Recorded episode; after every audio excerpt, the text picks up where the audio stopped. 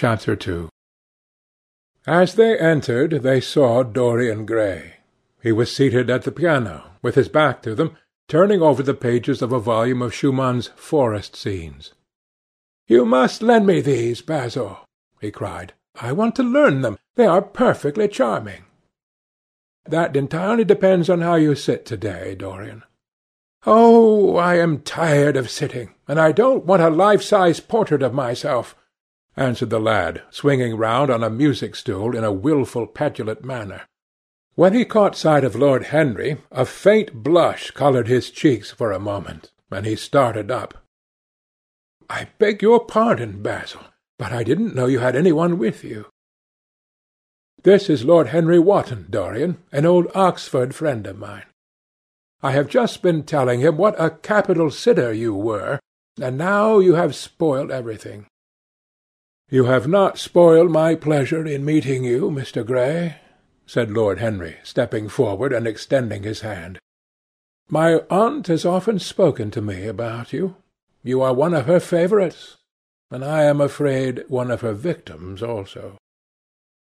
"I am in Lady Agatha's black books at present," answered Dorian with a funny look of penitence. "I promised to go to a club in Whitechapel with her last Tuesday, and I really forgot all about it. We were to have played a duet together, Three duets, I believe. I don't know what she will say to me. I am far too frightened to call." "Oh, I will make your peace with my aunt. She is quite devoted to you, and I don't think it really matters about your not being there. The audience probably thought it was a duet. When Aunt Agatha sits down to the piano, she makes quite enough noise for two people. "That is very horrid to her, and not very nice to me," answered Dorian, laughing. Lord Henry looked at him.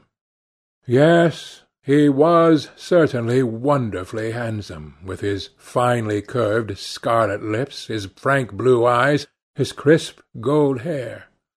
There was something in his face that made one trust him at once. All the candour of youth was there as well as all youth's passionate purity. One felt that he had kept himself unspotted from the world. No wonder Basil Hallward worshipped him. "You are too charming to go in for philanthropy, Mr. Gray. Far too charming."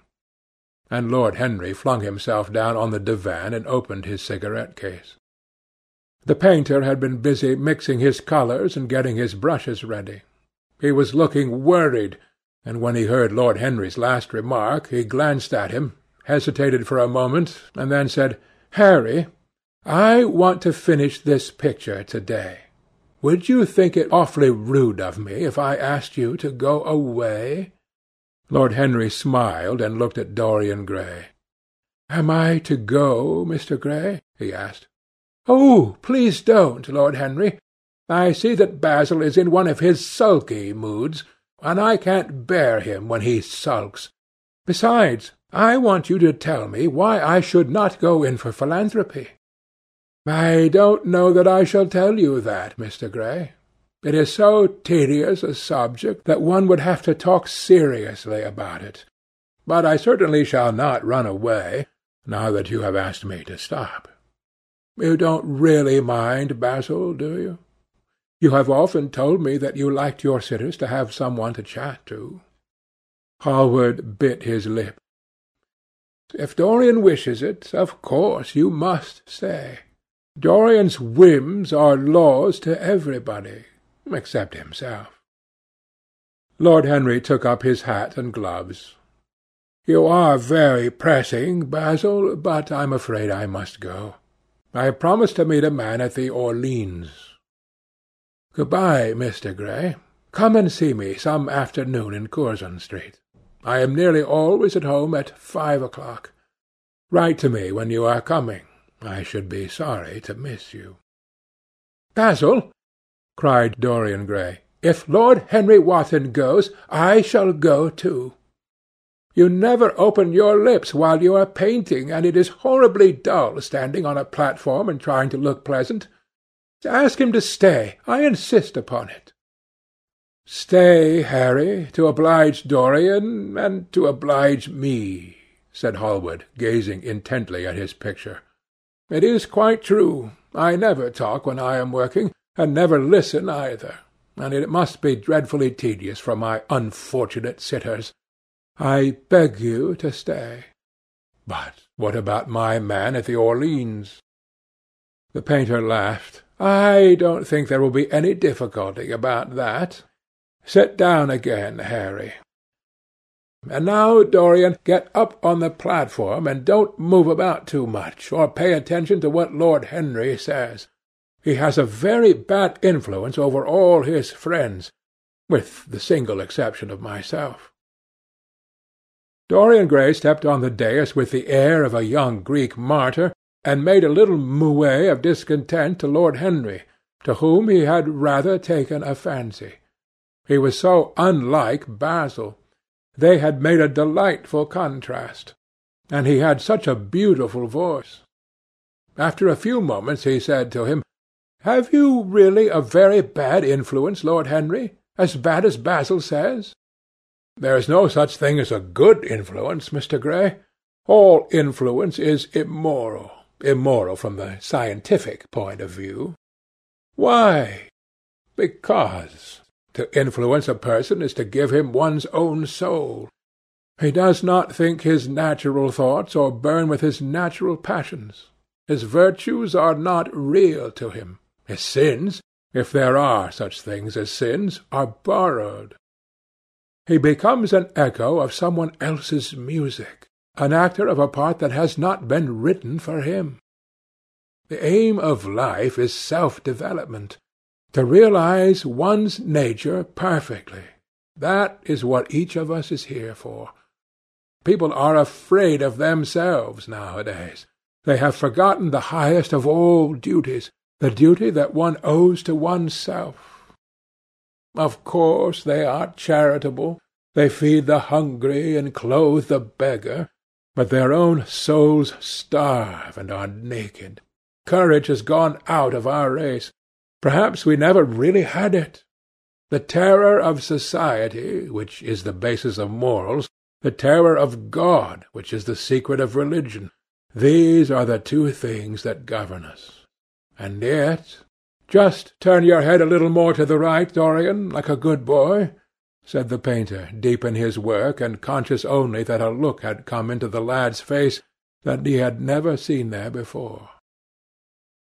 And yet, continued Lord Henry, in his low musical voice, and with that graceful wave of the hand that was always so characteristic of him, and that he had even in his Eton days, I believe that if one man were to live out his life fully and completely, were to give form to every feeling, expression to every thought, reality to every dream, I believe that the world would gain such a fresh impulse of joy that we would forget all the maladies of medievalism and return to the Hellenic ideal, to something finer, richer than the Hellenic ideal, it may be. But the bravest man amongst us is afraid of himself. The mutilation of the savage has its tragic survival in the self-denial that mars our lives. We are punished for our refusals. Every impulse that we strive to strangle broods in the mind and poisons us. The body sins once and has done with its sin, for action is a mode of purification. Nothing remains then but the recollection of a pleasure or the luxury of a regret. The only way to get rid of a temptation is to yield to it. Resist it, and your soul grows sick with longing for the things it has forbidden to itself, with desire for what its monstrous laws have made monstrous and unlawful. It has been said that the great events of the world take place in the brain. It is in the brain, and the brain only, that the great sins of the world take place also. You, Mr. Gray, you yourself, with your rose-red youth and your rose-white boyhood, you have had passions that have made you afraid, thoughts that have filled you with terror, day-dreams and sleeping dreams whose mere memory might stain your cheek with shame. "Stop!" faltered Dorian Gray. "Stop! You you bewilder me. I don't know what to say. There is some answer to you, but I cannot find it. Don't speak. Let me think. Or rather, let me try not to think." For nearly ten minutes he stood there, motionless, with parted lips and eyes strangely bright.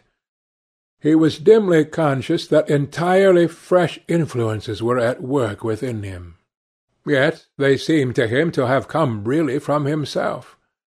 The few words that Basil's friend had said to him, words spoken by chance, no doubt, and with wilful paradox in them, had touched some secret chord that had never been touched before, but that he felt was now vibrating and throbbing to curious pulses. Music had stirred him like that. Music had troubled him many times. But music was not articulate. It was not a new world, but rather another chaos that it created in us. Words, mere words, how terrible they were, how clear and vivid and cruel. One could not escape from them. And yet what a subtle magic there was in them!